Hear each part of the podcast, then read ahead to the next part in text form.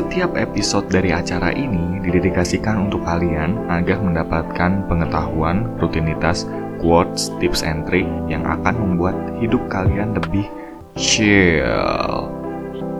Chill adalah suatu keadaan sangat santai yang terjadi ketika seseorang fokus ke hal-hal yang bisa dikendalikannya. Whoops. Halo? Hello boys and girls, ladies and gentlemen. Welcome back to Chill Boy Show with me, the one and only, Ambras Widira Putra, bersama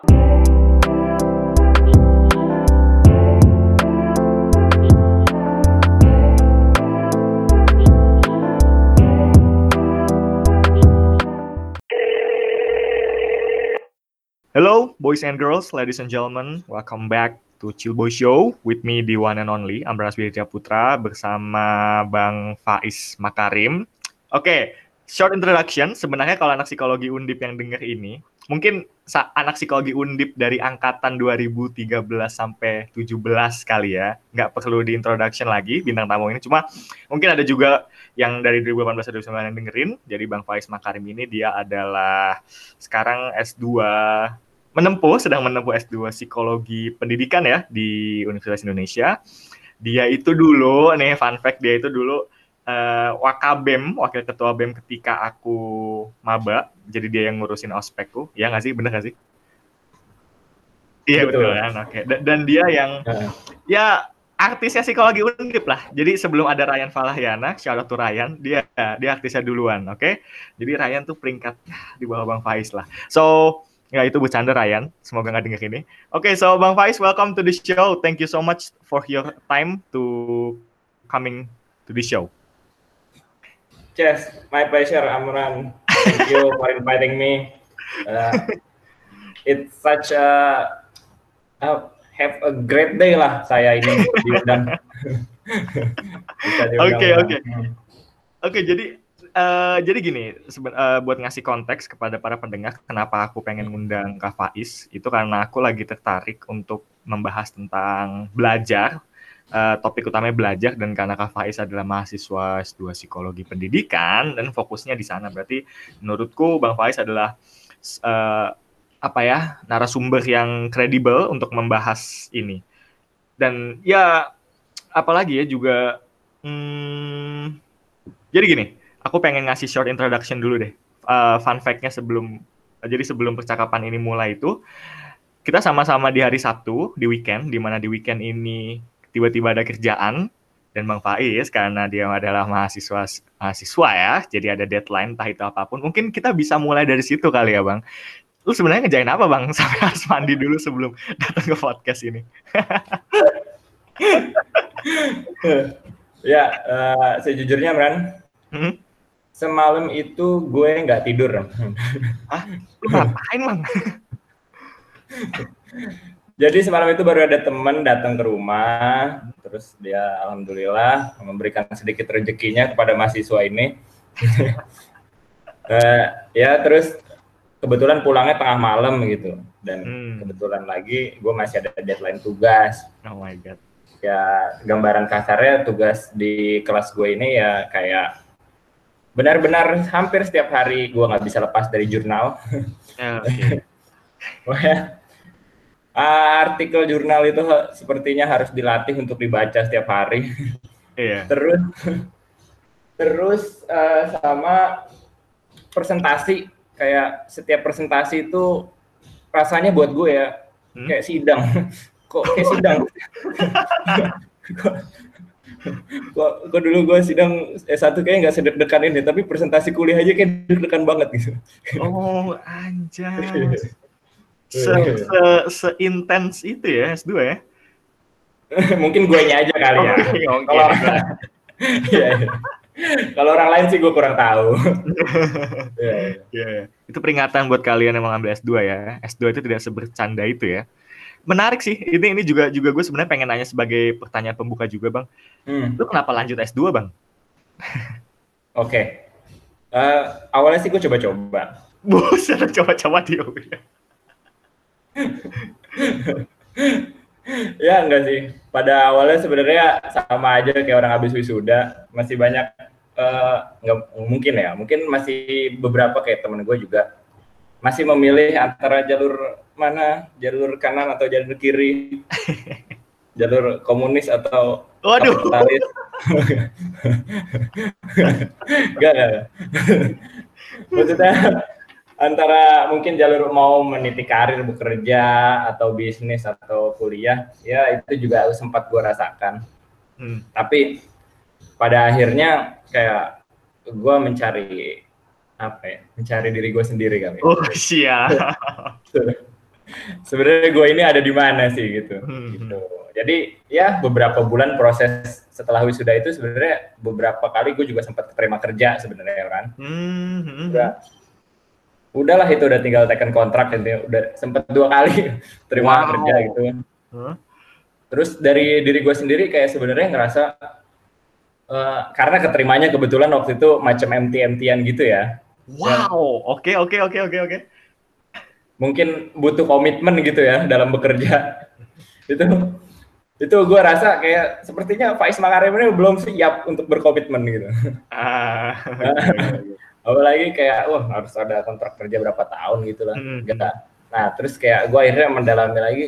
Emang dari awal tuh sebenarnya gue udah minat uh, buat emang mau lanjut kuliah. Entah itu gue kerja dulu atau gue langsung. Tapi emang gue emang pengen banget kuliah lagi. Hmm. Dorongan utamanya sih mungkin karena keluarga juga, basic keluarga gue beberapa emang ada yang pendidikan. Nyokap gue guru, hmm. kakek gue almarhum dulu kepala sekolah di salah satu madrasah. Nah terus ya mungkin karena basic gue beberapa kali juga seringnya ngikut kegiatan sosial yang biasanya itu nggak jauh-jauh dari ngajar gitu ya. Yeah. Itu gue mungkin mulai merasakan kayak uh, bisa kali ya gue seriusin gitu kayak emang bahkan dari awal maba di psikologi undip pun kayak hmm. waktu itu pernah ditanyain senior gue tuh orang yang paling lantang dulu uh, merasa memiliki tujuan masuk psikologi undip gue jelas-jelas gue langsung bilang gitu ke senior saya saya mau jadi penerusnya kaseto kak gue bilang gitu gitu. Ya sebenarnya itu banyak lebih banyak asbunnya ya, lebih banyak asal bunyinya. Tapi entah kenapa di situ dorongan gue sangat tinggi sih. Hmm.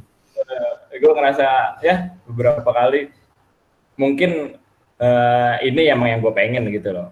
Terus akhirnya setelah banyak berbincang-bincang dengan orang tua dan teman tersetempat, ternyata alhamdulillah banyaknya sih mendukung ya, walaupun banyak mempressure juga.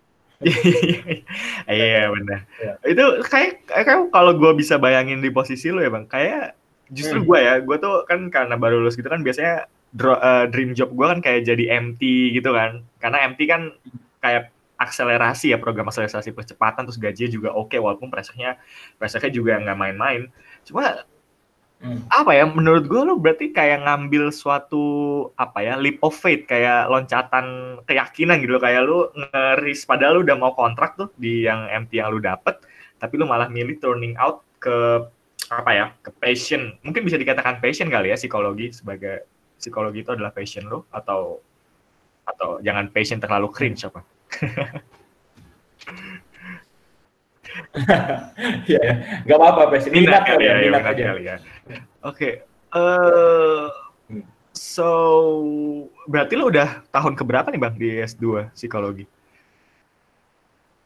Alhamdulillah sekarang semester 3 bang. Semester 3 berarti masuk 2019. 2019. Masuk wow. 2019. Sebenarnya apa sih bang yang bikin lu tuh kayak terlepas dari kegiatan sosial tadi ya, uh, lu tuh hmm. uh, memandang apa sih uh, benefit yang lu dapat ketika belajar psikologi? Kalau uh, benefit belajar psikologi menurut gua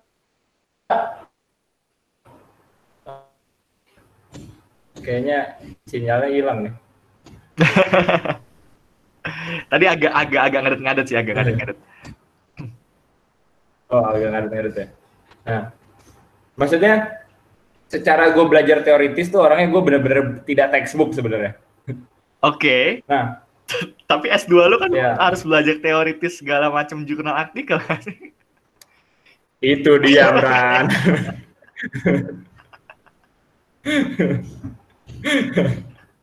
ya, nah itu tapi lebih kepada gue itu orangnya seneng belajar intinya. Nah menurut gue dengan gue masuk psikologi itu eh, itu jadi loncatan buat gue juga sih kayak gue terus mengasah eh, semangat gue buat belajar gitu. Mungkin kalau gue nggak masuk di jurusan psikologi ini nggak sebesar itu minat gue sama belajar gitu Hmm. sama meningkatkan kapasitas diri lah eh, dan semacamnya itulah ya itu sih menurut gue Iya, iya, iya.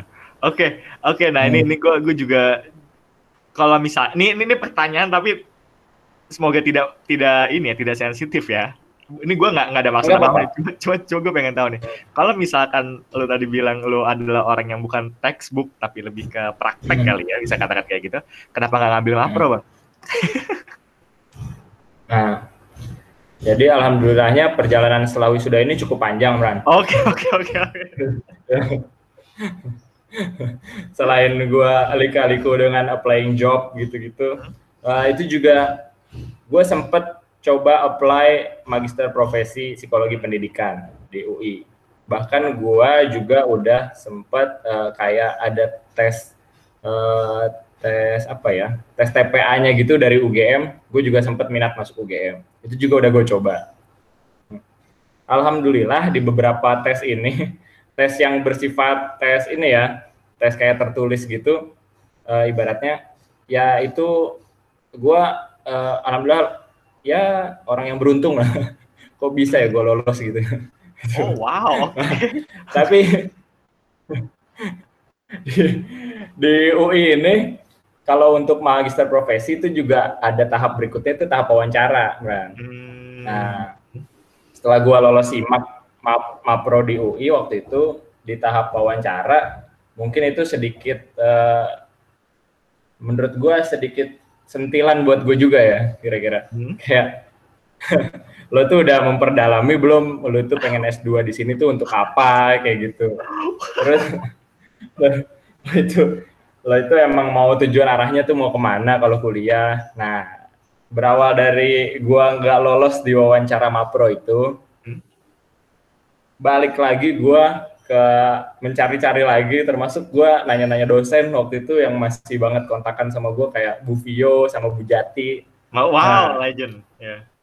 Nah, itu beberapa ya menyarankan kayak ya mungkin emang kamu tuh arahnya bukan ke ranah konseling kayak gitu. Dan yang gue tahu kalau di profesi pendidikan itu lebih ke arah konselor pendidikan yang lebih kayak ke anak berkebutuhan khusus gitu, Hmm. yang lebih one on one konseling gitulah, yang ibaratnya sepertinya bukan gue memang kayak gitu kan.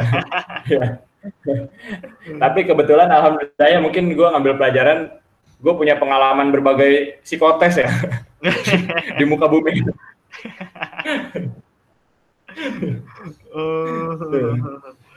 Oke, oke, oke. I see, I see, I see. Oh gitu ya. Oh kalau Ya. mapronya pendidikan gitu ya berarti ya lebih ke yang apa konselor yang ngasih Iya, saran ke guru gitu berarti ya? iya bener. Yang lebih ngasih intervensi ke sekolah juga konselor sekolah. Ah, I see. Tuh. Kayak mapro Iya, gitu ya? Ya kurang Iya, lebih itu kan gitu ya. jadi konsul konsultannya perusahaan. Yes, Nah ini yes, yes, konsultannya sekolah lah beratnya. Oke, oke, oke, oke, oke. Oh jadi itu alasannya ya. Ya udah, nggak apa-apa. Jawab aja penasaran aja soalnya. Iya, Gua- iya, Gue iya. gua, gua kepikiran jujur bang, gue kepikiran pengen lanjut S2. Cuma itu gue Ah. sejauh ini idealisme gue tuh bilang gue kalau S2 tuh harus mapro karena kalau kalau gue mikir sejauh ini ya gue mikir kalau mapro itu kan Hmm. Lebih luas cakupannya ketimbang eh, mapsi ya. Karena kalau mapsi sih itu kan cuma bisa jadi dosen lah ya, tapi kalau di mapro itu kan dosen bisa jadi dosen bisa jadi praktisi kayak gitu kan. Jadi kayak Iya. eh, MP apa pengalaman atau terjun lapangannya tuh bisa kalau mapro kan terbatas di situ. Gue gue jadi inget ini sih kemarin kemarin kan gue juga ngobrol sama Bang Marcel ya tahu kan ya. dia kan Wah, dia, dia kan science kan di sana. Yoi. Valentino. Iya, iya. Legend. Ya, dia kan Mapro. Eh dia Mapro. Dia apa? Mapsi, Mapsi, tapi Mapsi Taiwan ya kan, Mapsi Taiwan. Dan dia belajar evolusi kan. Itu Hmm. menarik banget sih. Oke, coba pengen pengen tahu lagi nih. Eh, ini entah itu topiknya jadi belajar. Episode kali ini topiknya belajar atau S1 S2 perbedaan ya. Ah. Cuma gue penasaran aja sih. Menurut lu Bang, perbedaan S1 sama S2 tuh Iya. apa sih? Dari diri lu deh. Jangan secara jangan secara silabus apa apa segala macam ya, tapi dari kehidupan yang rasakan tuh gimana sih? Biar orang tahu aja, spoiler alert aja. Gak bisa wanti-wanti. ya. ya, eh, tadi eh, sedikit tentang Valentino juga kalau dia denger ini. dia ada salah satu orang yang menceburkan gua ke dunia perkuliahan ini. Hai Marcel, kamu dengar ini. Shout out Bang Marcel. Iya, iya. Semoga dia juga bisa memotivasi gua sampai lulus ya. Nah. Eh, sedikit perbedaan perkuliahan itu menurut gua yang paling gua rasain eh, itu adanya di diskusi sih, Mbak. Hmm. Kayak kebiasaan diskusi sebagai mahasiswa. Nah, kayak mungkin yang gue sering dulu rasain di S1 di Undip itu kita lebih banyak eh, ya modelnya kuliah ceramah kayak gitu. Kita dengerin tugas tugas pun gue juga nggak tahu apa yang gue kerjain tuh dulu. Itu kadang, kadang gue nggak ngerti. Nggak ngerti juga.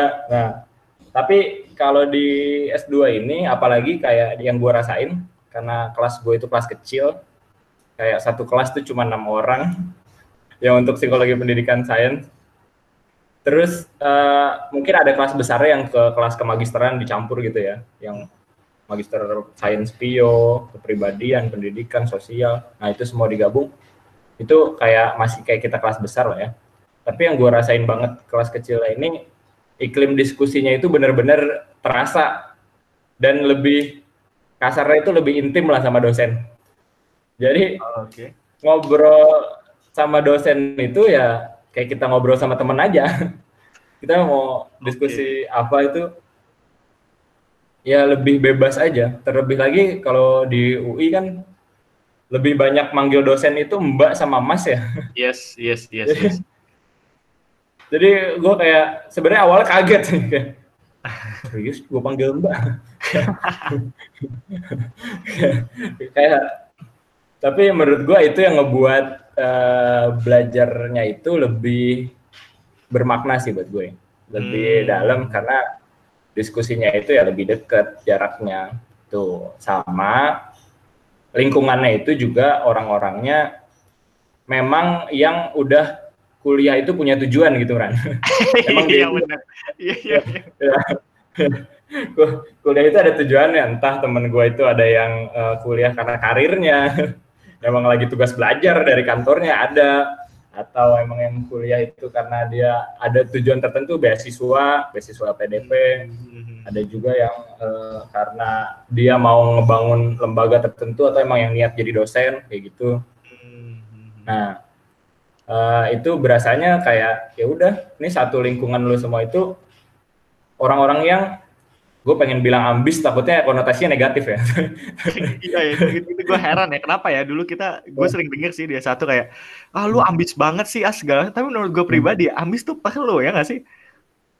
Gak apa-apa, iya, Iya, ambis perlu. Ambis tuh perlu ya. Cuma orang ya Iya. somehow konotasinya negatif gitu sih. Tapi maksudnya di sini Iya. mungkin ambisnya kan ada tujuan tadi ya, jadi serius menggapai Iya. tujuannya itu ya. Wow. Iya, jadi kayak emang isinya itu lingkungan orang-orang yang emang udah tahu kuliah itu mau ngapain gitu. Eh, Iya. Ya udah, iya kayak emang ini kayak nggak nggak ada lagi tuh saya, saya menemukan orang-orang yang ayo Ah. TA, eh, eh, cabut yuk, cabut TA lah TA. Nggak ada orang yang membuat apa nyusun makalah cuma sebagian doang ngeprint doang ya. ya itu Tidak kurang lebih malah gue lah itu diomelin di awal-awal Pak Is ya. gitu. Berarti satu kelas, satu kelas itu cuma enam orang tadi. di gue iya nah, Di Oh, gua wow, berarti mah intens banget ya. Iklim diskusinya tuh kerasa banget nih. Gue Iya, gua, gua jadi, ja- jadi ngebayangin bang posisi lu nih sebagai Ya, gue nggak tahu sih, gue penasaran sih kan itu di UI ya kan kita beda ya undip sama UI kan suatu hal yang ya bisa dikatakan cukup jauh lah. Apakah di situ iklim psikologi juga sangat berbeda? Atau maksudnya gini, apa lu bisa hanya imbangin atau butuh penyesuaian cukup lama untuk menghadapi iklim di UI situ? Uh, Sebenarnya menurut gue uh, secara kayak komunikasi gitu ya atau lingkungan mindsetnya itu orang-orangnya mungkin gue nggak terlalu kaget karena gue masih masih punya temen di Jakarta gitu ya. Oh oke okay, oke okay, iya, iya. ya emang lingkungannya basis orang-orang Jakarta gitu kasarnya. Hmm. Uh, tapi uh, yang gue rasa mungkin cukup berbeda itu uh, yang pertama banget gue kaget UI itu uh, kampus yang referensinya itu selalu internasional, Mran. Okay. Iya, iya iya iya. Bagus dong, bagus dong. Berarti lo world citizen sekarang ya kan? Iya, memang gue sepertinya didorong untuk Orang, bagus. belajar lebih global gitu. Tidak tidak selalu think lokal gitu. Iya, iya benar benar. Iya, mungkin jadi think global but at act lokal. Let's, let's go man, let's go. Iya, jadi jiwa kelokalan gue ini selalu diuji oleh jenar-jenar internasionalnya yang kampret-kampret itu. Sorry. ya, ya, ya. Maksud gue uh, kayak ya referensi database itu semuanya sebenarnya di UI itu udah tersedia gitu. Wow. kayak apa-apa tuh sebenarnya nemu referensi di UI menurut gue kalau lu nggak ketemu itu mustahil lah. kasarnya kayak hampir semua referensi kok ada gitu ya di kampus ini. Bingung oh. Berarti lu nggak ada alasan gak nemu referensi ya? Harusnya begitu ya. Kalau gue orang yang rajin. Nah itu itu yang menguji gue banget sih uh, jiwa keglobalannya itu sih. Iya, iya, iya get, get. Yeah, yeah. Itu sih emang sih yang yang gue juga ngerasain sih jadi mahasiswa S1 bahkan nyusun skripsi. Ya gue nggak tahu kalau S2 kan berarti udah lebih dari skripsi. Bahkan gue pernah denger sih katanya tugas S2 tuh ya lu bukan ya lu kayak buat skripsi setiap minggu ya kayak buat jurnal gitu katanya. Emang is, is, is that right or atau itu cuma mitos doang? Betul sekali. Oh, betul, betul. Oke, okay, ACC. Ya. Tapi uh, menarik sih. Kayak gue semester Sorry sorry bang. Iya kayak gue semester ke ya semester kemarin gitu semester satu semester dua itu ya hampir tiap semester emang tiap semester pasti ada tugas proposal proposal oh, penelitian. Sempro ya. Bahkan nggak usah pakai sem oh, seminar tesis, nggak usah nggak usah pakai proposal tesis lah, nggak usah pakai oh. matkul itu matkul matkul biasa pun tugas akhirnya tuh bikin proposal kan. Oh wow, berarti yeah. tugas proposal itu bakal jadi tesis lu kah dikumpulin jadi tesis apa gimana? Nah itu beda-beda tergantung oh, okay. tujuan masing-masing orang ya. Biasanya itu biasanya ada yang niatin buat jadi publikasinya, ya hmm. publikasi artikel jurnal. Karena salah satu syarat lulusnya itu selain tesis juga minimal satu artikel tuh publish. Tuh, itu buat okay lu boleh wisuda di UI itu harus salah satunya itu nah okay. itu biasanya emang mungkin ya gue nangkepnya kurikulumnya ini kasar itu menggembleng kita untuk terbiasa sama pen penelitian gitu. Hmm. Ya iya Jadi sih. Jadi nanti buat syarat tuh kelulusan lu nggak susah lagi ke depan Hmm. Oh, udah biasa bikin proposal dan teman-temannya itu.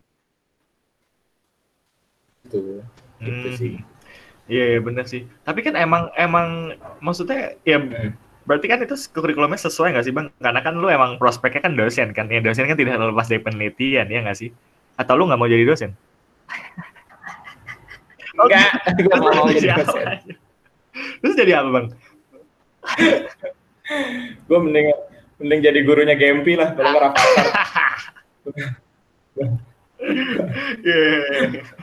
Oke. Ya, ya, ya, maksud gua uh, gimana ya? Uh, bukannya skeptis terhadap profesi dosen atau gimana, tapi menurut gua, hmm. gua itu uh, memandang dosen sekarang lebih banyak tuntutan penelitiannya daripada ngajarnya. Nah, buat gue orang yang yang lo tahu gue suka banget penelitian dong. Sesuka Parah. itu gue. iya. Itu gue gue ngerasa tuntutan itu lebih besar dibanding yang menurut gue gue lebih mungkin ke ngajarnya gitu. Hmm. Atau ya beginilah gue sukanya lebih ke sharing-sharing ilmu. Oh, ya iya. terlebih lagi ya gue sedikit punya pengalaman kerja di sekolah gitu yang menurut gue menarik. Oh, I see. Iya, iya. iya. BTW bang, gue baru tahu. Mungkin ini informasinya juga berguna buat lo sih. Kayak hmm. UN volunteer tuh bisa loh kita S1 psikologi, tahu nggak lo? UNV, UN volunteer. Oh. Iya itu gue kemarin kenal sama, kan gue buat project gitu ya. Ada hmm. proyekan hmm. gitu, terus gue ngehubungin Bu Lucy. Pokoknya minta uh, pelatihan gitu, terus Bu Lucy ngomong uh, ngereferensiin temennya.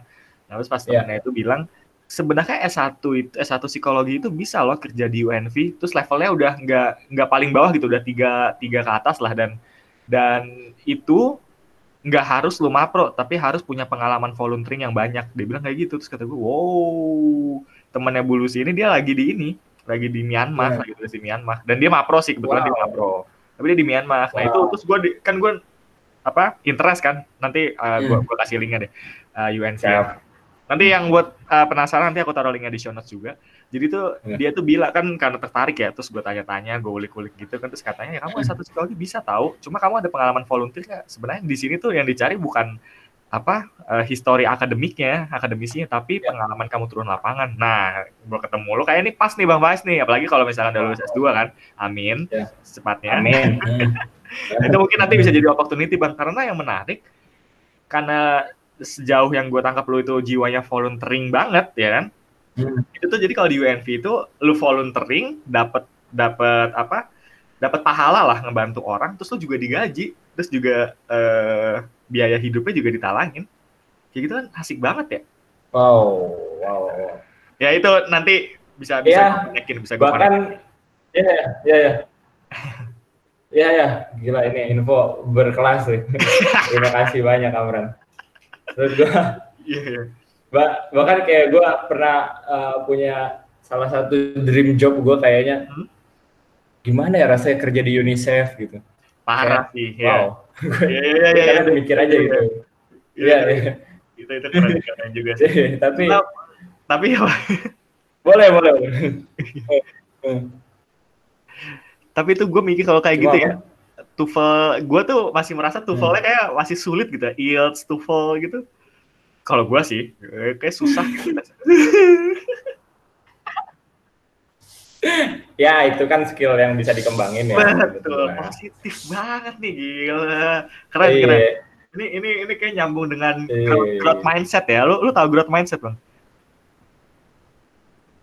Ya, itu beberapa kali topik yang sering dibahas di pendidikan. Uh, Fixed mindset dan growth mindset itu kan. Yes, kan. let's go man. Carol Dweck ya, Carol Dweck ya. Eh, ya, yeah, Carol Dweck, Carol Dweck. Oke, okay, hmm. ini sih, nih gue gue penasaran hmm. karena lu masuk, ini mulai masuk ke topik belajar ya. Oke, okay, S2 psikologi udah tinggalin dulu. Ini apa? Kan lu belajar psikologi hmm. pendidikan nih bang, ya kan? Kira-kira nih pas lu belajar semakin mendalami itu, ada nggak sih suatu apa ya? Suatu metode belajar yang selama ini lu terapin, tapi ternyata itu salah, nggak efektif, bahkan nggak efisien. Ada nggak? Um, sebenarnya gue selalu ngerasa semakin gue belajar itu, gue semakin merasa bodoh gitu. Jadi, jadi kalau mau dibilang ada atau enggak, jadi kayaknya setiap hari gue belajar, gue selalu ngerasa banyak yang harus diperbaiki dari uh, mungkin strategi belajar gua, cara belajar gua gitu. Hmm. Sebenarnya sih menurut gua begitu sih, Meran. Setiap okay. hari ada aja yang diperbaiki. Oke, uh. oke. Okay, okay. Tapi apakah sejauh ini literatur yang lu baca, oh ngomongnya literatur sekarang kan, jurnal fakti kalau saya dibaca. Literatur yang lu kan ada nggak sih cara the best way to learn gitu? Ada nggak? Kayak metode-metode yang efektif, efisien gitu?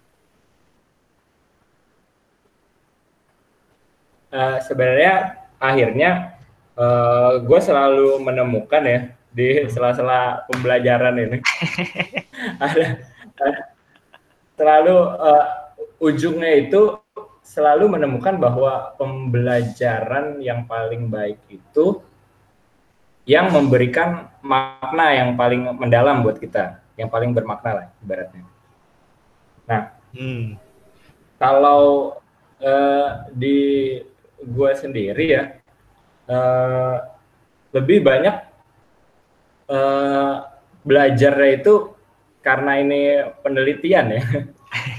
Biasanya itu lebih memang banyak belajarnya tentang teori gitu. Yep. Tapi teori-teori ini juga menjelaskan bahwa uh, kita itu belajar lebih bermakna ketika kita mengalami pengalaman-pengalaman hmm. yang menurut kita bakal nyantol nih di otak kita. Hmm. Nah, sebenarnya uh, balik lagi, gue ngerasa tetap uh, gue prinsip gue belajar dengan dari pengalaman itu tetap menjadi pegangan gue sih. Hmm, iya sih, iya benar-benar.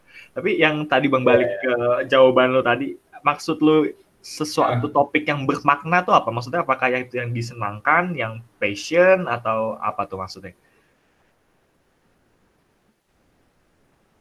Ya, kalau menurut uh, teori information processing, hey, let's go, we talk about theory man, let's go. ini karena barusan ngerjain tugas itu, Meran. Oke. Okay. Jadi gue ngejelasinnya tentang ini. Oke, oke, oke.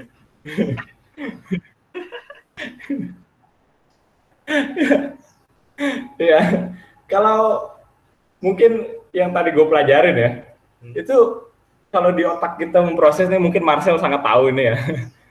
ini uh, gimana eh, hal-hal uh, yang kita pelajari itu ketika lebih masuk ke arah ke long term memory atau memori jangka panjang kita yep. gitu nah uh, cara-cara kita belajar itu ternyata uh, ada yang bentuknya itu kan ada visual spasial kita lebih bisa yeah. belajar dengan uh, visual gitu ada juga yang uh, belajar melalui ada yang namanya itu strukturnya phonological loop asik. Ada uh, lingkaran fonologis gitu. Kita itu merangkai merangkai rangkaian tertentu yang menjadikan kita mengingat itu terus menerus contohnya hmm. kita ngapal nomor KTP hmm. kita ngapal nomor handphone nomor handphone gitu ya. Kita uh, hafal nomor mahasiswa tuh. Biasanya kalau berkali-kali kita ngisi biodata akhirnya kita hafal kan. Nah itu macam-macam kan orang nyerap informasinya itu kayak gimana. Nah tapi di sisi lain juga di struktur itu struktur long term memory itu ternyata ada juga tadi meran yang gue pelajarin hmm. asik ya karena gue baru belajar ya okay. jadi bisa ngomongin teori ya, kalau okay. gue tadi nggak belajar gue nggak bisa ngomongin nih okay. jadi ada juga strukturnya itu namanya episodic buffer nah hmm. episodic buffer ini yang menciptakan representasi baru ketika kita bisa jadi menggabungkan dua itu entah itu visualnya entah itu rangkaian kata rangkaian angka. Nah, itu menjadi representasi baru yang kita maknai. Contoh, misalnya kita nonton satu film, terus kita relate ke kehidupan kita, misalnya. Hmm. Nah, sering kan tuh ya, biasanya sekarang lagi zaman zamannya Netflix banget dong. Pars. ya, misalnya, parah. Nah, gue uh, terakhir tuh nonton film dokumenter Nikola Saputra itu yang tentang menanam-menanam. Oke, okay, iya. Lalu juga nonton, gue belum soalnya. ya. Cobain tuh nonton. Ya, siap, siap. Ganteng sih emang. Iya. Iya, iya. Lanjut, lanjut, lanjut tadi. Nah, contoh.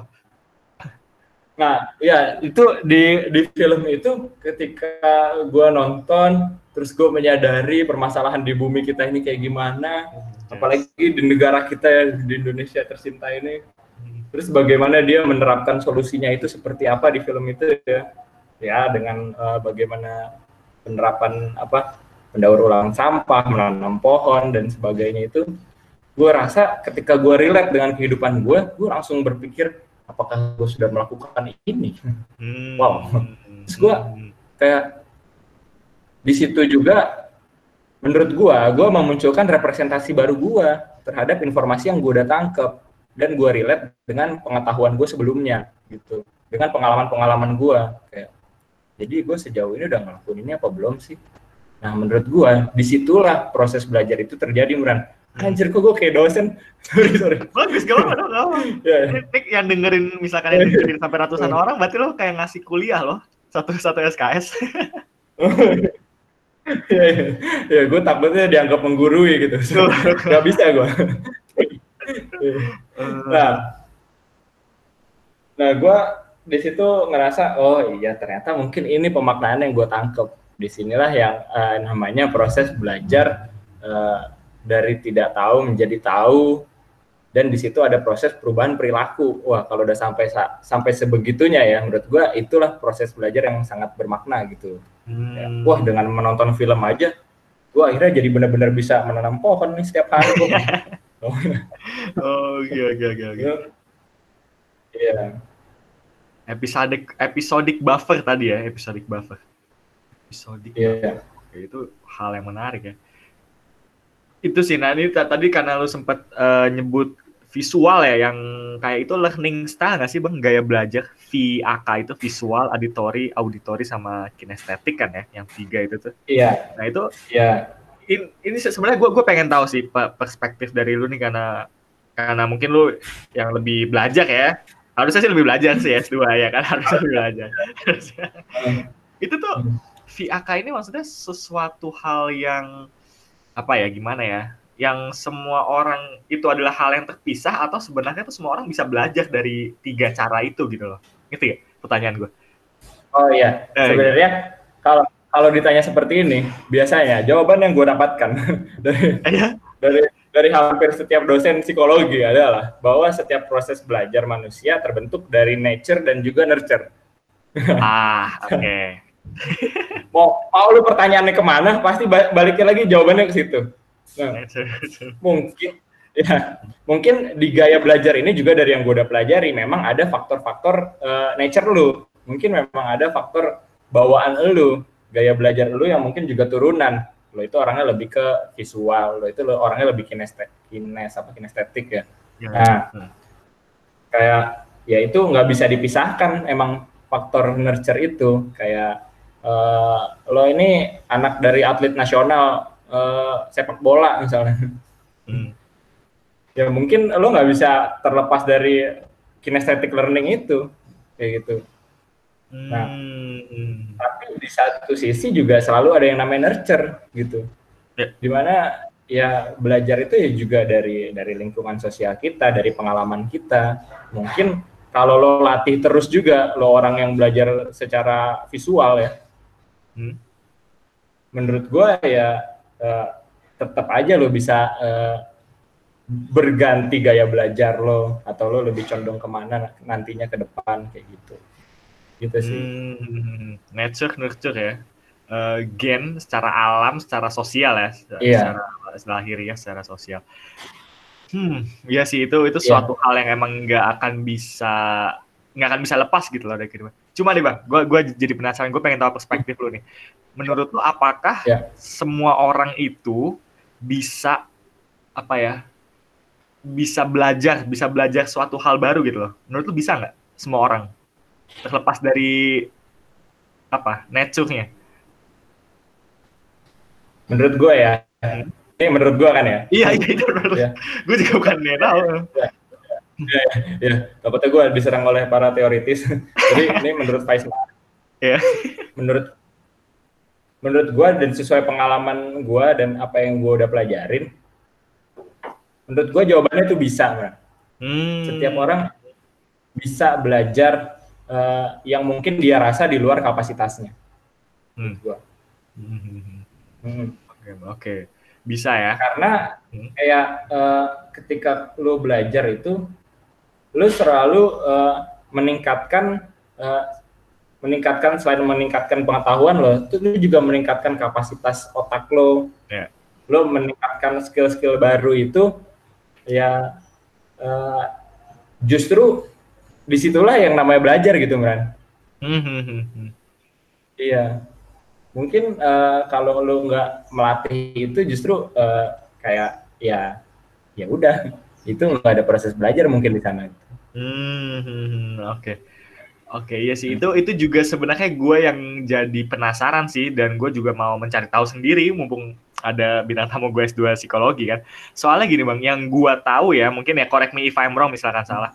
Itu emang ada gini, apa perdebatannya itu yang gue tahu memang ada beberapa orang eh, beberapa orang itu emang bisa diajar diajarkan sesuatu skill yang baru gitu. Cuma kalau misalkan ada yang di bawah IQ berapa gitu, itu mau sekeras apa pun, lu nggak akan bisa ngajarin dia gitu loh. Nah ini karena ini kan agak suatu hal yang menjadi apa ya hal yang tabu dikatakan mungkin karena kita kan, lu tahu kan ya yang teorinya siapa pokoknya yang pernah bilang uh, tabula rasa, the blank slate ya kan yang semua manusia itu kertas yeah. kertas putih kan jadi kan itu sebenarnya itu harapan yang optimis banget kan yeah. buat umat manusia kan karena oh iya kita semua optimis apa kita yeah. semua putih sama gitu kesetaraan jadi kita uh, terbentuk yeah. berdasarkan lingkungan yeah. sosial nah cuma kemarin kebetulan tadi lo uh, apa nyebut nature nurture gue kemarin baru banget uh, nonton uh, salah satu tokoh psikolog evolusioner mungkin ini juga bisa jadi referensi lu juga dan buat yang dengerin nanti aku taruh link di show notes itu namanya Gad Saat GAD SAAD dia tuh seorang psikolog evolusioner psikologi singkatnya itu dia ngemaduin teori evolusioner Darwin sama teori psikologi tapi ke consumer ke consumer behavior ke kayak misalkan kenapa oh. sih orang beli iPhone kenapa sih orang beli ini itu katanya karena oh. biar dia di dipandang lebih strata tinggi misalkan kayak gitu itu ada penjelasan evolusioner nah dia yang paling gue suka dia itu nge-analogiin nature sama nurture ini nih dia bilang kayak gini. Bayangin kayak misalkan uh, kamu itu lagi uh, masak kue ya kan? Ada bahan-bahan tuh ada telur ada tepung segala macam nah itu nature nurture kamu. Kamu satuin terus kamu aduk kamu panggang terus jadi kue. Nah kan udah nggak kelihatan kan telurnya mana tepungnya mana. Yaitu kamu yeah. nature nurture nah terus kata hmm. dan yang gue dapet lagi ini sekedar mungkin tambahan juga ya. Jadi kayak gen itu gen biologi ya, nature itu akan trigger di terpancing itu ketika ada uh, ketika ada trigger sosialnya, ada lingkungannya yang nge-trigger gen itu buat buat nge buat muncul gitu loh. Nah ini yang yang yang gue agak agak masih ini banget sih karena itu perdebatan yang menarik sih kayak yang semua orang bisa diajak apa enggak. Karena kan kalau misalkan ya pahit-pahit emang beneran semua orang nggak bisa kita ajak itu seorang orang yang nggak bisa hmm. kita ajak ini mau jadi apa di dunia kita gitu padahal mereka juga manusia itu kan suatu hal yang perdebatan apa ya moral ya. hati nurani lah ya hati hati hati hati nurani lah ya, ya. gitu sih terus btw bang kalau lu mau mendalami God saat itu dari podcastnya Joe Rogan tuh bagus banget sih karena ada bercanda ya dia jadi seru sih dan nanti linknya aku taruh show notes juga guys Tenang. Wah, siap, siap, siap. thank you, thank you. Ya, ya, ya, ya. Ya, tapi eh, ya itu juga uh, maksud gue uh, mungkin berbeda hal dengan uh, beberapa kondisi yang memang uh, oh, kondisinya kondisi mental, ya. okay, okay. kondisi mental tertentu gitu ya. Memang kan uh, bisa dibilang juga tingkat uh, intelijensi orang tuh beda-beda. Uh, ke tingkat kemampuan membaca orang aja juga beda-beda gitu. Hmm. Nah, terus kalau di kondisi tertentu itu ya menurut gue baru lah memang adanya hambatan untuk belajar kayak gitu. Iya. Ya benar sih. Tapi kalau misalkan emang beneran itu nggak, misalkan ya, ini pahit banget hmm. sih. Misalkan yeah. emang iya. beneran nggak bisa hmm. diajak gitu orang-orang yang kurang hmm. beruntung, katakan kurang beruntung, berarti kan yeah.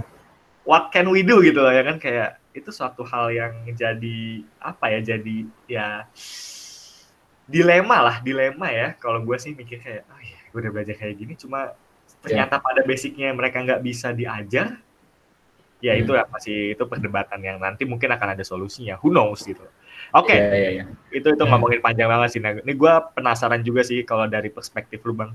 Kalau ngomongin nih, misalnya tadi sempat ngomong kurikulum kurikulum gitu kan. Menurut yep. lu pandangan lu akan kurikulum kita gimana sih bang? SM, SD, SMA. Mas Nadim, tolong nontonin Mas Nadim, shout out. Mas Nadim, tolong nih ada Makarim lain yang sedang men mencerahkan isi pikirannya gue gue penasaran sih dari perspektif lo karena banyak orang ya yang kurikulum kita tuh kayak gini kurikulum kita tuh kok nggak cocok apa segala macem. Nah cuma kalau dari lo pribadi gimana bang pandangnya? Iya. Kalau gue pribadi sebenarnya ngerasa bahkan di setiap tahunnya di setiap generasinya uh, itu bisa dibilang uh, selalu ada peningkatan lah untuk uh, kira-kira strategi belajar yang lebih efektif tuh kayak gimana dan sebagainya. Nah, tapi yang mungkin jadi masalah kita dari dulu adalah bahwa uh, pendidikan ini uh, selalu sifatnya itu multidimensional. Hmm. multidimensional. Ngomong apa sih gue? apa itu bang? Coba tolong di, dibahasakan seawam mungkin apa itu multidimensional? maksud maksud gue itu dia ini dipengaruhi oleh banyak faktor gitu. Oke, okay, iya.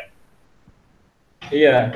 Dia ini uh, gak gak bisa uh, hanya hanya karena uh, kurikulum lo udah lebih baik, maka berjalannya pendidikannya akan lebih baik. Enggak, enggak kayak hmm. begitu.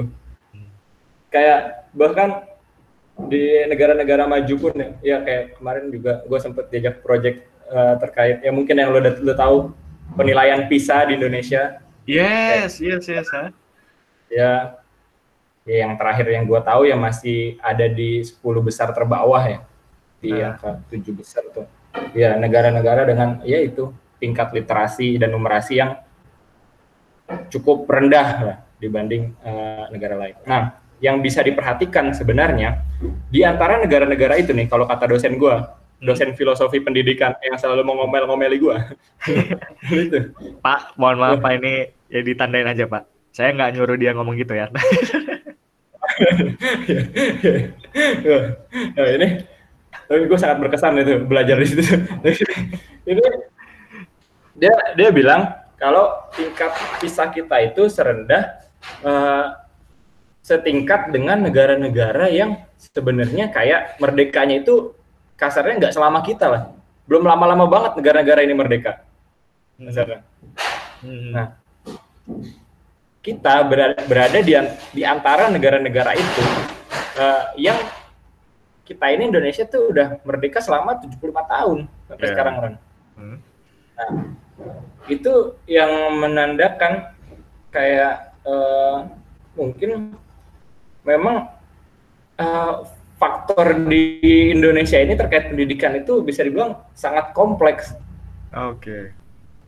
Jadi bu uh, untuk penerapannya itu juga mau dibilang yang paling efektif kayak gimana sebenarnya? Uh, gua rasa uh, mulai bisa dimulai dari ya yang hal-hal yang paling kecil dulu Meran menurut hmm, gue ya, ya. Bukan bukan sekedar kurikulum gitu. Okay. karena ya pendidikan itu berkaitan dengan lingkungan sosial. Pendidikan itu uh, berkaitan dengan uh, keluarga. Pendidikan itu berkaitan dengan uh, uh, politik. Ada ada materinya tersendiri oh iya. terkait. Oh. Iya hubungan apa hubungan hubungannya politik, politik. sama pendidikan? Kan pendidikan itu dimulai dari penentu kebijakan kalau dari oh. penentu kebijakan juga nggak bisa memprioritaskan pendidikan dalam penerapannya oh wow. karena ada proses pendidikan yang pendidikan yang baik gitu. Nah makanya sekarang yang selalu digaungkan adalah kolaboratif learning ini kan? Anjas ya. Kolaborasi wow. Bahasa gue. Ya yeah.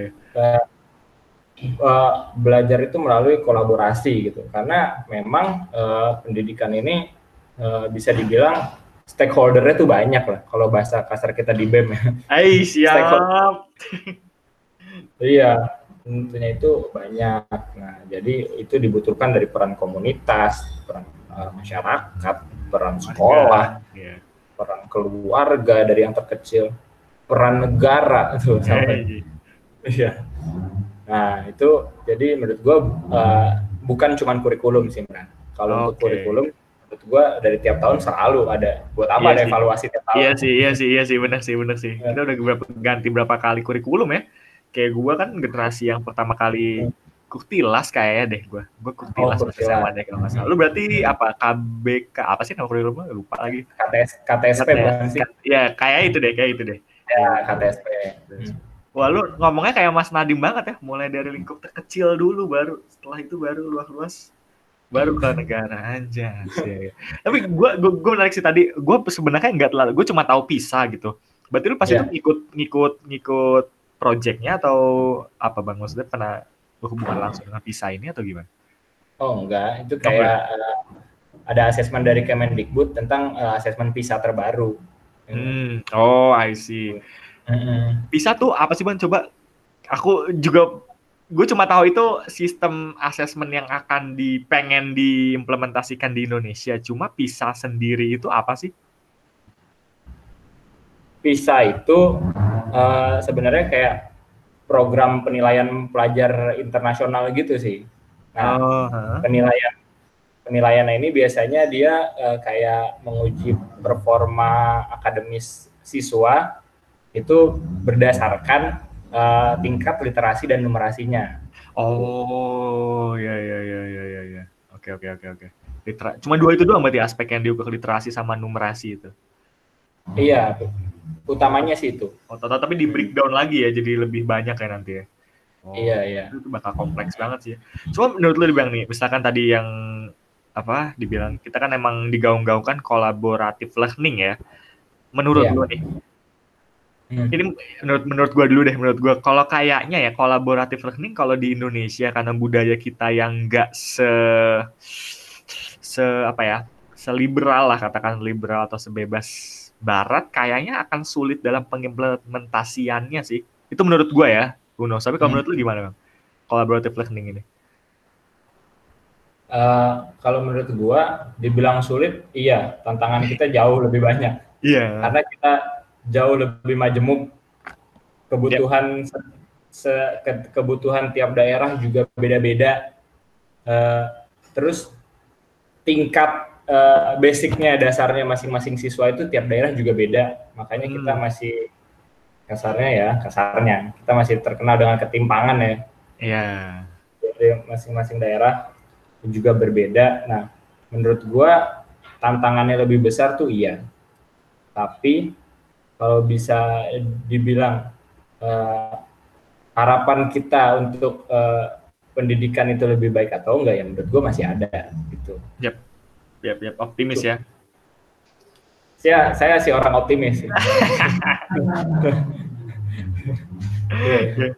Oke, oke nih bang, ngomongin belajar lagi nih, karena lu kan iya. juga yeah. uh, bisa uh, apa ya, terjun lapangan lah dalam belajar, mengajar, belajar program belajar mengajar gitulah. Lu pernah ada nggak sih kayak suatu hal apa ya, tips atau trik yang lu pelajari nih selama lu ngajarin anak SD, SMP, SMA tuh tips triknya gimana sih? Karena kalau gue pribadi ya, gue hmm. kalau ketemu bocah-bocah tuh gue udah males banget. Kalau SMA pasti digodain, kalau SD, SMP kadang-kadang mereka ke mana-mana gitu loh. Kalau hmm. lo dari pribadi, tips lo yang lo pelajari, empirisme lo yang apa sih yang lo dapet? Nah, ini asik nih ngomongnya empiris.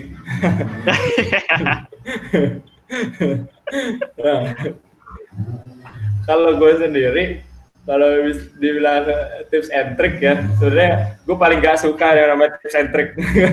Karena oh apa dong berarti saran? Eh, nggak apa apa apa apa santai aja. Tapi menurut gue menurut gue uh, ya penerapan di masing orang-orang bisa beda-beda kayak gitu.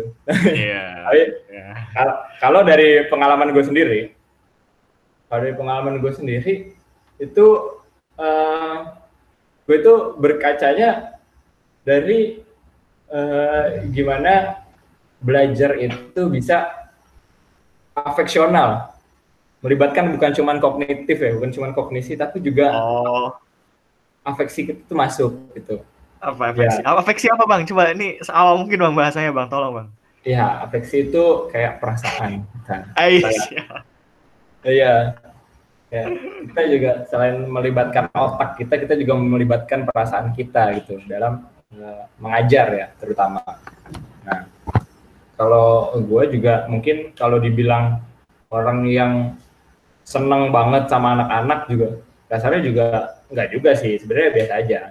Ntar takut dikonotasikannya ke hal negatif biasanya. kalau seneng sama anak-anak. Nah, kalau gue kalau gue uh, karena gue ngerasa punya pengalaman yang menurut gue nempel banget di gue ya waktu masa kecil terhadap beberapa guru gue hmm. yang menurut gue dengan cara mengajar mereka yang unik dengan cara dengan perhatian yang mereka berikan gue gue ngerasa uh, hal-hal yang kayak gitu yang menurut gue harus ditularin juga gitu sebenarnya dengan hal-hal sederhana kayak uh, ada dulu guru SD gue ngajar terus pas dia ngapus di papan tulis sambil joget-joget pantatnya geol-geol kayak gue juga ada deh guru iya deh iya deh kayak gue juga ada deh. Terus dia terus dia kadang-kadang sambil nyanyi hafal-hafalan kita misalnya hafal-hafalan nama-nama nabi biasanya. Oh, iya. dia sambil nyanyi-nyanyi gitu. Nah, terus ada juga mungkin guru guru dulu guru SD gue yang gue rasa kok bisa seperhatian itu sama gue kok dia bisa ngerti kok dia bisa ngerti banget? Gue ini orangnya uh, kurang talkative misalnya. Tapi dia mancing gue terus untuk bisa ngeluarin isi pikiran gue gue kayak iya. wow wah ada orang kayak begini. Nah,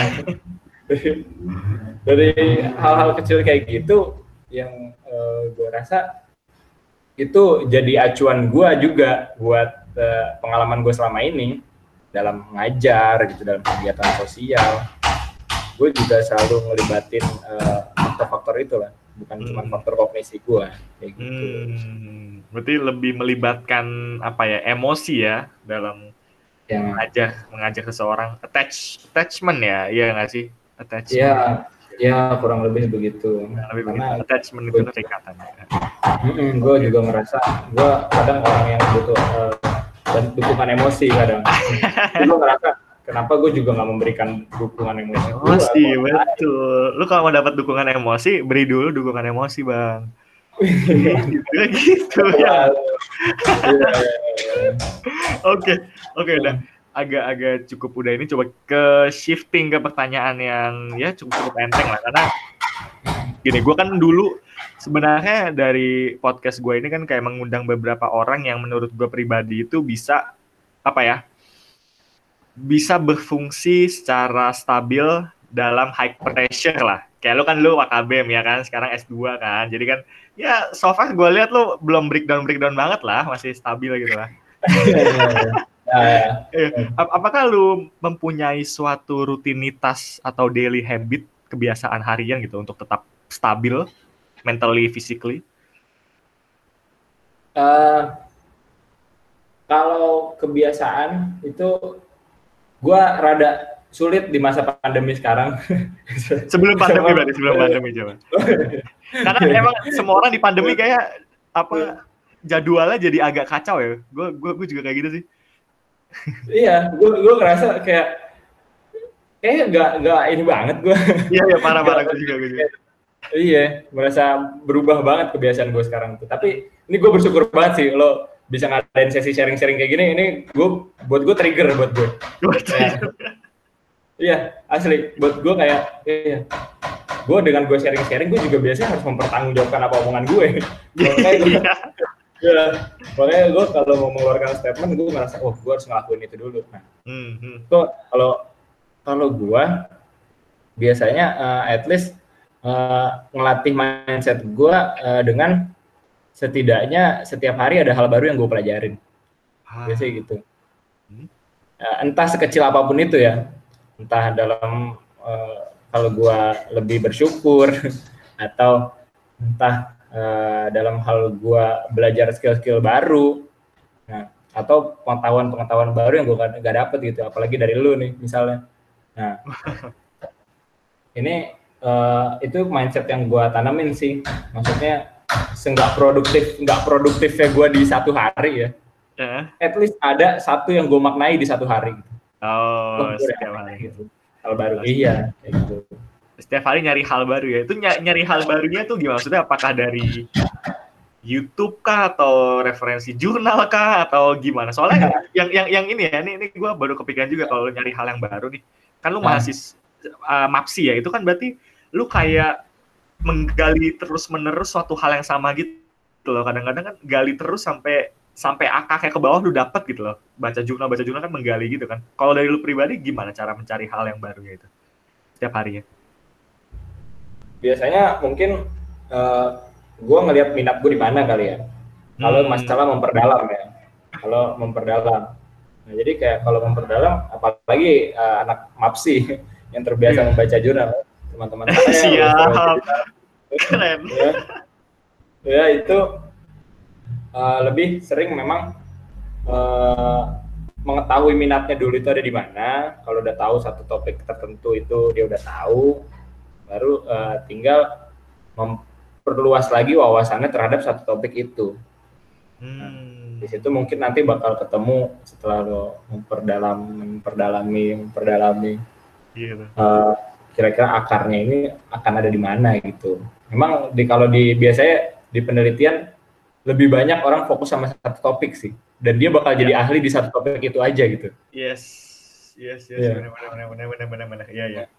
Iya, ada kayak satu satu ahli metakognisi. Udah, dia seumur hidup udah jadi peneliti metakognisi. Iya, benar. benar, ya. Iya. Nah, itu ada ada yang kayak gitu. Tapi uh, dari gue juga ya sama lah kurang lebih tiap hari fokus ada aja. Apa berarti, bang? Fokus lo apa berarti? ah, kalau fokus gue sekarang, gue kalau secara ini ya, secara minat pendidikan, ya, gue sebenarnya ya sangat uh, tertarik sama hal yang berbau dengan regulasi uh, kebijakan uh, di uh, pelaksanaan pendidikan itu. Makanya gue senang banget, senang sekali. Oh membicarakan tentang Mas Nadim. Dan gue, ya kalau minat gitu ya. Tapi kalau kayak topik penelitian yang sekarang lagi gue angkat gitu ya. Eh? Oh udah dapat judul tesis berarti ini? Proposal. Oh. Gak tahu deh bakal lanjut apa enggak. Itu gue, ya kebetulan kebetulan juga ya ternyata lagi ada pandemi itu gue lagi ngangkat student engagement sih. Lagi ngangkat oh. keterlibatan siswa dalam belajar. Nah, terus sekarang lagi masa pandemi, kayaknya kira-kira bakal berubah nih. Jadi online hmm. student engagement, terlibatan siswa dalam pembelajaran online. Oh, wow. Kayaknya, gue kayaknya sih udah mulai-mulai mengarah ke situ sih kayaknya. Iya bener sih ya, soalnya pandemi ini juga kayak bakal lama. Nggak tahu tahun depan mungkin belum tahun depan juga belum tentu kelar kali ya. Who knows? Benar. Benar. Oke. Okay. Oke, okay. kalau tadi daily habit, kebiasaan harian, ini sebenarnya pertanyaannya, ini sebenarnya pertanyaan template ya setiap bintang tamu pasti gue tanyain ini. Gue sebenarnya pengen nanya jam tidur, cuma karena lu tadi bilang kalau lu belum tidur semalaman, jadi hmm. pertanyaan gini aja deh. Yeah. Jam tidur rata-rata yang lu dapet selama lu kayak pressure kayak pandemi gitu atau dalam keseharian lu tuh berapa sih bang? Gue uh, karena alhamdulillah ya sebelumnya nih gue dari semester 1 semester 2 selalu ada kesibukan lain selain kuliah gitu nah. Hmm. Gue dulu dulu gue kuliah Wah, pengen gue, tapi kayak udah nggak bisa sekarang. Oh iya iya. iya. Apa kesibukan? Dulu, dulu gue tuh sambil intern gue di uh, eh, HR, gue di sekolah Cikal dulu semester satu. Oh. Iya. Terus gue semester 2 akhirnya gue kerja kerja juga ya. Iya. Berdua. Dan semester dua kemarin sempat ada kesibukan kuliah sambil ngapnon. Ngapnon? Iya abang none abang none. Oh abang none. Ah oh, yes yeah. oh gila keren banget bintang tamu harus tadi gue kenalin di awal ya abang none gitu ya. Damn, sorry bang. iya, gue gue berharap ditanyain. Gak, gak, gak, gak perlu gak penting gak penting. Yang penting. Yang yang yang jelas dulu ada lah kesibukan. Pokoknya jam tidur menurut gua zaman zaman itu masih hmm. kayak ya Allah meran gua kadang pulang jam 3 pagi. Kira-kira upload itu. Uh-huh. sering sering kayak gitu tuh. Jam 3 pagi jam 7 udah kuliah lagi. Padahal ada ujian. Ah ya Allah. Anjir. Tidak 4 jam doang anjir. Atau pas gua kerja itu masih ada gawean masih ada belum iya. bikin presentasi yang kayak sidang itu. Iya ya belum belum jurnal lagi ya bersyukurnya gue waktu itu kerja di lingkungan yang gue minati sih sekolah gitu lingkungan sekolah. Oh iya iya benar itu benar.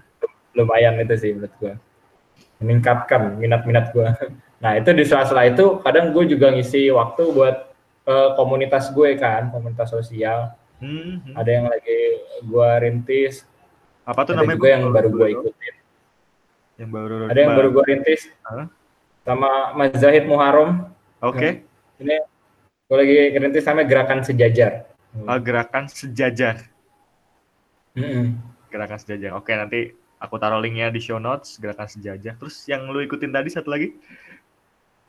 Gue ada kayak kegiatan dari PPI, temen gue dari Perhimpunan Pelajar Indonesia, mahasiswa-mahasiswa yang kuliah di luar negeri itu. Hey. Ibaratnya BEM-nya luar negeri lah nih. BEM internasional. Iya. Mereka juga lagi ngebuat program pengabdian namanya PPID Mengabdi. Nah, itu kemarin gue di awal tahun sempat ke Banyuwangi buat ikut program itu.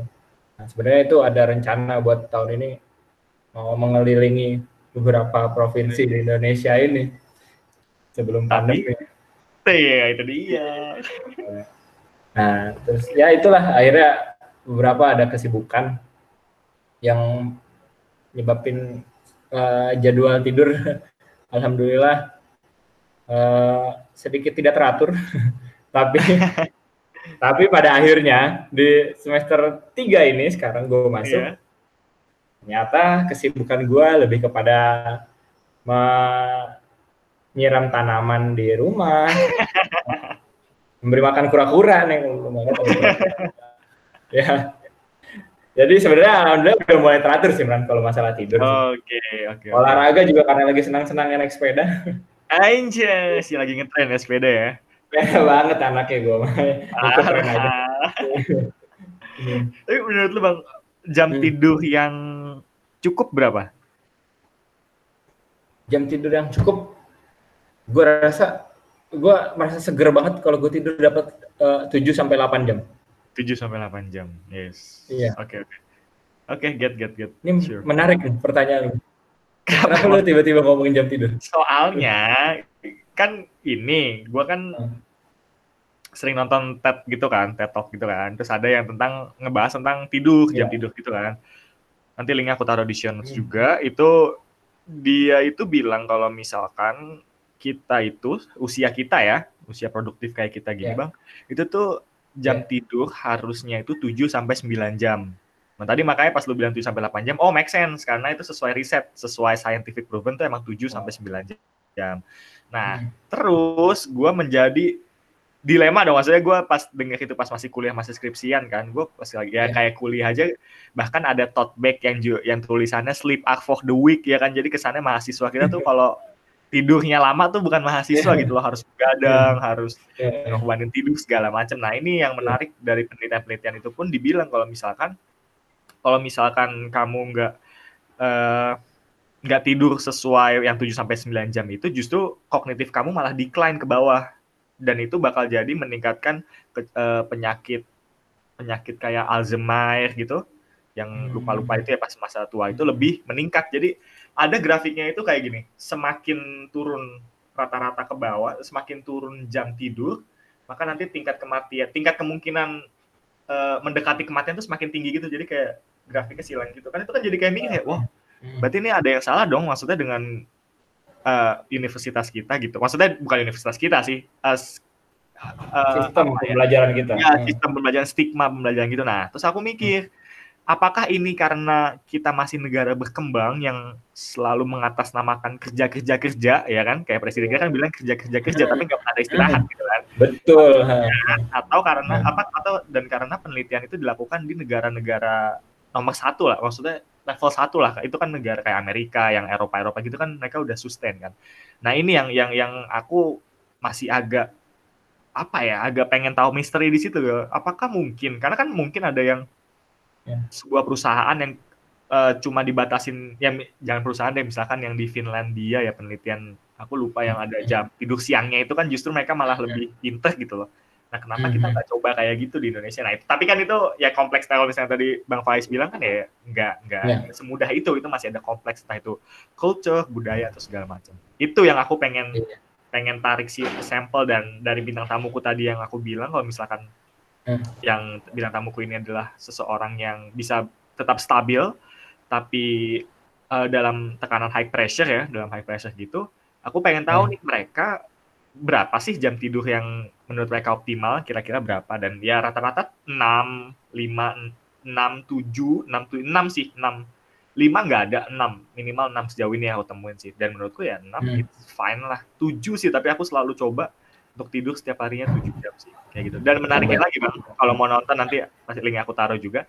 Di awal itu si presentasinya dari TED Talk ini tuh dia bilang uh, ada korelasi korelasi positif. Uh, jadi korelasinya itu berhubungan semakin rata semakin rendah rata-rata jam tidur yang didapat seorang pria, maka semakin hmm. kecil ukuran testisnya. Dibilang kayak gitu di awal wow. kayak, wow, kayak, oh, kayak, oke, maybe. nah, itu kayak, oke, okay, ini, ini gue harus consider nih jam tidur nih. Emang oke. Okay.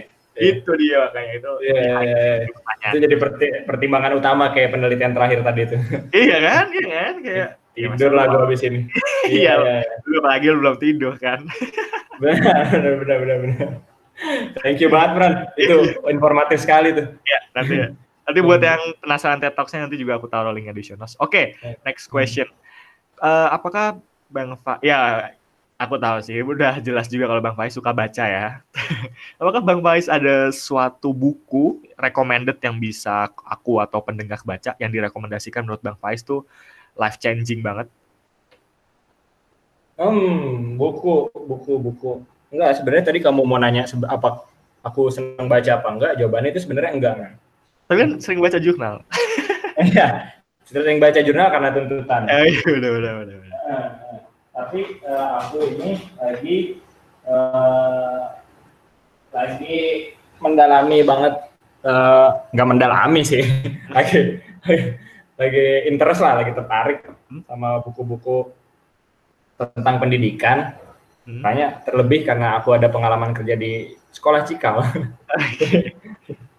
Jadi aku tuh emang ngefans ya sama Ibu Najila Shihab. Oh ya.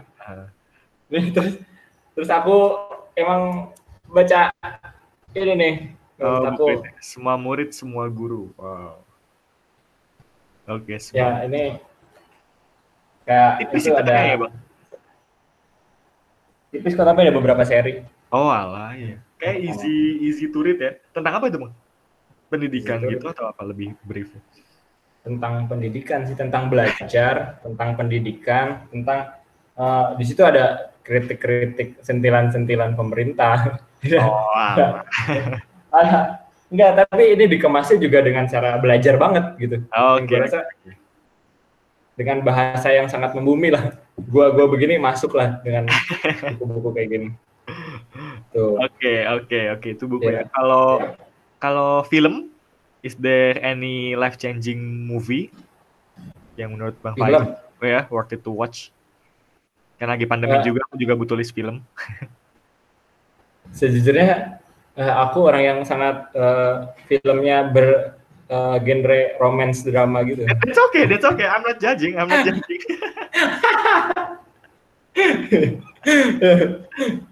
kadang kelihatan keren gitu nonton film action seru gitu. Sejujurnya dalam hati aku romance drama begitu. Oke okay, oke. Okay. aku tuh uh, seneng film yang uh, menurut aku kayak kayak bounce back bounce back gitu loh. Apa tuh maksudnya bounce back bounce back? Kayak uh, yang menceritakan tentang keadaan orang yang Oh kayak uh, ini titik balik, titik yeah. balik, titik balik kehidupan gitu. Apa the the pursuit of happiness yang Will Smith kayak gitu? Ya begitu. Ya. Nah, terus apa kalau uh, kalau aku nonton film yang sedih itu Wonder Wonder. Wonder apa itu? Yang anak anak sekolah yang wajahnya ditutupin Uh, oh iya iya iya. Di helm. Karung. Eh karung. Helm tutupin helm. Iya iya iya. Oh ya Julia Robert itu ya? Iya itu. Oh iya iya. Bagus. Itu kan menyentuh uh, itu juga educational sih menurutku. Parenting yang sangat baik. Sih iya. Udah siap jadi bapak nih iya iya.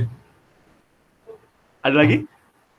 Terus uh, oh aku ini yang masalah romance romance ini. Ayo, oke, oke. Aku, aku selalu ingat film The Fault in Our Star kan. Oke, okay. kenapa? kenapa emang? Gue gue nonton itu gak ini ya, gak nggak klik aja kayak oke okay, apa sih gitu. Kalau kalau gue sih ya, emang kenapa bang kalau dari dulu? Enggak, gue seneng aja sama settingnya itu yang pas di Belanda yang di Amsterdam itu. Oh, terus gue paling gak tahan gue tuh paling apa ya gak gue merasa tersiksa juga kalau ngeliat orang sakit gitu Bran. Oh ya yeah. entah itu sakit secara mental atau secara fisik gitu. Terus gue kayak ya Allah ya Allah gue ter terlalu terlalu kok kok bisa ya orang survive? Gitu. Terus kok mereka bisa romantis gitu ya. Iya sih dua-duanya sakit kan itu ya? Iya nggak sih? Iya dua-duanya sakit. Iya kan iya kan iya kan. plot twistnya cowoknya duluan yang meninggal. Anjir, spoiler, spoiler alert. Sorry, sorry, sorry, sorry, sorry, sorry. Ya, ya. Oke, okay. ada lagi, ada lagi? Hmm. Gue malah romance ya. Kalau gue bilang, menurut gue romance yang paling bagus dalam hidup gue tuh 500 Days of Summer, lu tau gak? Tahu gue. Parah. Parah. Parah banget gak sih? Parah banget itu. Parah banget. Masukin list ya, masukin list ya. Masukin list. Boleh. 500 Days of Summer parah men damn itu bikin yang film yang bikin gue ya lu kalau putus ya there's another summer lah winter yeah. autumn ya iya iya iya iya sama terakhir gue tonton itu ya series di Netflix apa sebagai orang baru yang menonton series gue paling gak betah nonton series karena, yeah. karena harus ditonton berkali-kali ya yes yes yes itu tapi terakhir akhirnya gue nonton series nonton Dark Oh iya, yes. semua orang rekomendasi gue. Emang itu bagus banget ya? Sebenarnya gue yang gak terlalu suka fiction atau science fiction juga sebenarnya. Tapi ada The Fort in All Star juga fiction aja. Iya karena romance aja. Oh, iya. uh, itu karena apa ya? Karena uh, mind blowing gitu. Oh, oke. Okay. Time travel katanya ya? Iya, time travel. Sama saking kompleksnya cerita itu gue ngerasa kok ada sih orang kepikiran bikin film kayak begini. Oke oke oke Netflixnya dark ya oke okay. buku udah film udah Netflix udah nih gue nih pertanyaan tambahan sih additional mm apa kalau suka nonton drakor drakor yang udah gue tonton tutas itu cuma yang uh, viral-viral di sosmed itu, itu Descendant of the Sun. Ah, iya itu viral banget. Sama Crash Landing on You, okay. karena dua-duanya juga romance. Iya benar benar. lu bah, lu coba nonton Itaewon Class dah, bagus banget sih. Bagus itu ya? Bagus menurut gue ya, menurut gue ya. Jadi ada romance-romansnya gak tapi? Ada, tapi ada, tapi itu seimbang sama perjuangan hidupnya. Nah, tadi karena lu suka kayak film yang Pursuit of Happiness gitu, kayak hmm. Will Smith gitu, nah dia tuh jadi kayak entrepreneur yang jatuh, keluarga jatuh gitu segala tapi dia bangkit, terus ada cintanya juga. Jadi seimbang lah menurut gue lu bakal suka sih. Wow. Baik, gue ya. Baik. Itu tonton kalau lagi gabut aja, jangan ada deadline itu tonton ya. Oke. Okay. Kebetulan selesai. Oke, okay, bagus, bagus. Malam minggu juga sekarang. Ya. Boleh, boleh, boleh, boleh, boleh.